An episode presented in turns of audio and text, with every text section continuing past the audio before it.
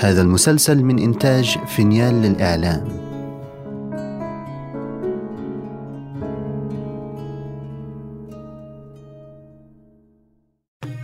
كان يا مكان في بعيد البلدان. ملك يسهر ولا ينام إلا على قصص الإنس والجان. وبلغني أيضا أيها الملك السعيد أن أبو قير كان قد سرق من جاره أبي صير ماله كله. ثم توجه لشيخ الصباغين في المدينة ليطلب منه الأجرة أو التعليم. وحين رد عليه الشيخ إننا لا نقبل غريبا يدخل في صنعتنا. حصل عند أبي قير غيظ عظيم. وطلع يشكو إلى ملك تلك المدينة وقال له يا ملك الزمان أنا غريب وصنعتي الصباغة وجرى لي مع الصباغين ما هو كذا وكذا.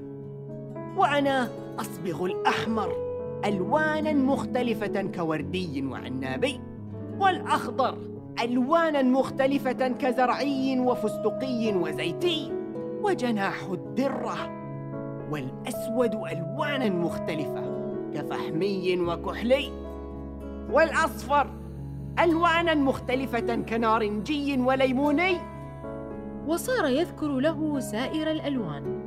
ثم قال يا ملك الزمان كل الصباغين الذين في مدينتنا لا يخرج من أيديهم أن يصبغوا شيئا من هذه الألوان ولا يعرفون إلا صبغ الأزرق ولم يقبلوني أن أكون عندهم معلما ولا أجيرا. فقال له الملك صدقت في ذلك.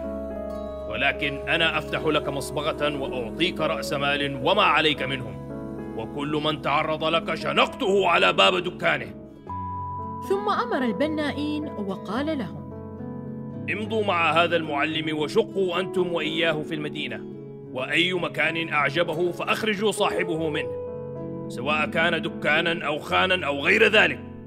وابنوا له مصبغة على مراده. ومهما أمركم فافعلوه ولا تخالفوه فيما يقول. ثم إن الملك ألبسه بدلة مليحة وأعطاه ألف دينار وقال له اصرفها حتى تقف نفسك وحتى تتم البناية وأعطاه خادمين من أجل الخدمة وحصانا بعدة مزركشة. فلبس البدلة وركب الحصان وصار كأنه أمير. وأخلى له الملك بيتا وأمر بفرشه ففرشوه فسكن فيه وركب في ثاني يوم وشق في المدينة والمهندسون قدامه.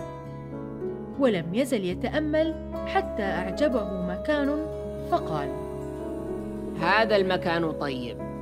فأخرجوا صاحبه منه وأحضروه إلى الملك فأعطاه ثمن دكانه زيادة على ما يرضيه.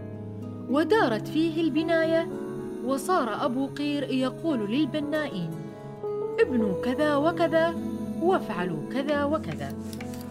حتى بنوا له مصبغة ليس لها نظير. ثم حضر إلى الملك وأخبره بأن المصبغة تم بناؤها وإنما يحتاج لثمن الصباغ من أجل إدارتها. فقال له الملك خذ هذه الأربعة آلاف دينار. واجعلها رأس مال. وأرني ثمرة مصبغتك. فأخذها ومضى إلى السوق. فرأى النيلة كثيرة وليس لها ثمن فاشترى جميع ما يحتاج إليه من حوائج للصباغة. ثم إن الملك أرسل إليه خمسمائة شفق من القماش.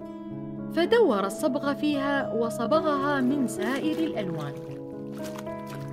ثم نشرها قدام باب المصبغة. فلما مر الناس بجانبها رأوا شيئا عجيبا عمرهم ما رأوا مثله. فازدحمت الخلائق على باب محله وصاروا يتفرجون ويسألونه ويقولون له يا معلم ما اسم هذه الألوان؟ فيقول لهم هذا أحمر وهذا أصفر وهذا أخضر. ويشرح لهم أسامي الألوان. فصاروا يأتونه بشيء من القماش ويقولون له اصبغ لنا مثل هذا وذاك وخذ ما تطلب. ولما فرغ من صباغ قماش الملك أخذه وطلع به إلى الديوان. فلما رأى الملك ذلك الصباغ فرح به وأنعم عليه إنعاما زائدا. وصار جميع العسكر يأتون إليه بالقماش ويقولون له اصبغ لنا هكذا. فيصبغ لهم على أغراضهم ويرمون عليه بالذهب والفضة. ثم إنه شاع ذكره وسميت مصبغته مصبغة السلطان ودخل عليه الخير من كل باب. وجميع الصباغين لم يقدر أحد أن يتكلم معه إنما كانوا يأتونه ويقبلون يديه ويعتذرون إليه مما سبق منهم في حقه. ويعرضون أنفسهم عليه ويقولون له اجعلنا خدما عندك. فلم يرضى أن يقبل أحدا منهم. وصار عنده عاملون وخادمون وجمع مالا كثيرا. وهذا ما كان من أمر أبي قير. وأما ما كان من أمر أبي صير فإنه لما قفل عليه أبو قير باب الحجرة وراح وخلاه وهو مريض غائب عن الوجود صار مرميا في تلك الحجرة والباب مقفول عليه. واستمر على ذلك ثلاثة أيام. فانتبه بواب الخان إلى باب الحجرة. فرآه مقفولا ولم يرى أحدا من هذين الاثنين إلى المغرب ولم يعلم لهما خبرا. فقال في نفسه لعلهما سافرا ولم يدفعا أجرة الحجرة. أو ماتا؟ أو ما خبرهما؟ ثم إنه أتى إلى باب الحجرة فرآه مقفولا. وسمع أنينا في داخلها.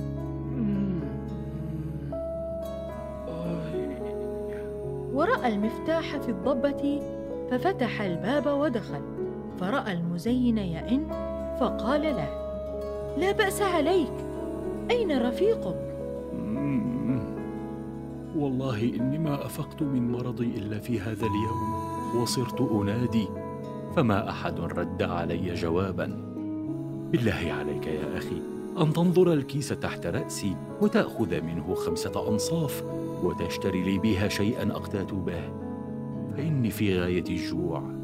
فمد يده فرآه فارغا فقال للمزين إن الكيس فارغ ما فيه شيء. فعرف أبو صير المزين أن أبا قير سرق ما فيه وهرب. فقال له أما رأيت رفيقي؟ فقال له من مدة ثلاثة أيام ما رأيته وما كنت أظن إلا أنك سافرت وإياه. ما سافرنا وإنما طمع في فلوسي فأخذها وهرب حين رآني مريضا. ثم إنه بكى وانتحر.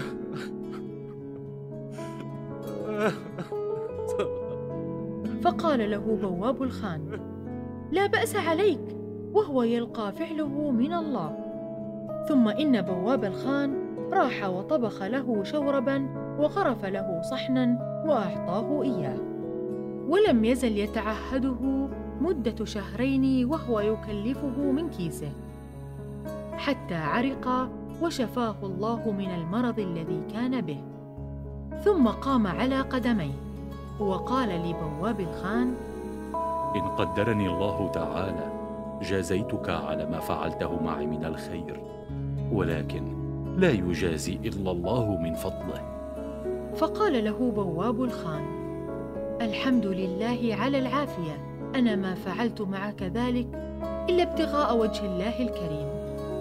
ثم إن المزين خرج من الخان وشق في الأسواق فآتت به المقادير إلى السوق الذي فيه مصبغة أبو قير. فرأى الأقمشة ملونة بالصباغ منشورة في باب المصبغة والخلائق مزدحمة يتفرجون عليها. فسأل رجلا من أهل المدينة الله ما هذا المكان؟ وما لي أرى الناس مزدحمين. فقال له المسؤول إن هذه مصبغة السلطان التي أنشأها رجل غريب اسمه أبو قير. وكلما صبغ ثوبا نجتمع عليه ونتفرج على صبغه. لأن بلادنا ما فيها صباغون يعرفون صبغ هذه الألوان. وجرى له مع الصباغين الذين في البلد ما جرى. وأخبره بما جرى بين أبي قير وبين الصباغين وأنه شكاهم إلى السلطان. فأخذ بيده وبنى له هذه المصبغة وأعطاه كذا وكذا وأخبره بكل ما جرى. ففرح أبو صير وقال في نفسه الحمد لله الذي فتح عليه وصار معلما والرجل معذور. لعله تلهى عنك بالصنعة ونسيئك. ولكن أنت عملت معه معروفا وأكرمته وهو بطال. فمتى رآك؟ فرح بك وأكرمك نظير ما أكرمته. ثم إنه تقدم إلى جهة باب المصبغة فرأى أبا قير جالسا على مكتبة عالية فوق مصطبة في باب المصبغة وعليه بدلة من ملابس الملوك وقدامه أربعة عاملين وأربع خادمات لابسات أفخر الملابس. ورأى الصنائعية عشرة خادمين واقفين يشتغلون لأنه حين عينهم علمهم الصباغه وهو قاعد بين المخدات كأنه وزير عظيم وملك أفخم لا يعمل شيئا بيده وإنما يقول لهم افعلوا كذا وكذا. فوقف أبو صير قدامه وهو يظن أنه إذا رآه يفرح به ويسلم عليه ويكرمه ويأخذ بخاطره. فلما وقعت العين بالعين.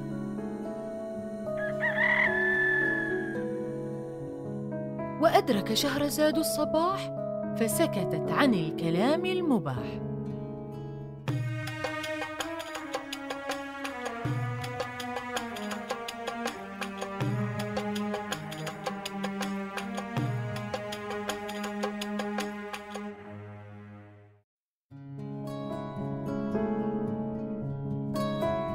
إذا استمتعتم بهذه الحلقة لا تنسوا الاشتراك لبث المسلسل ومتابعتنا على جميع منصات السوشيال ميديا. التفاصيل في وصف الحلقة.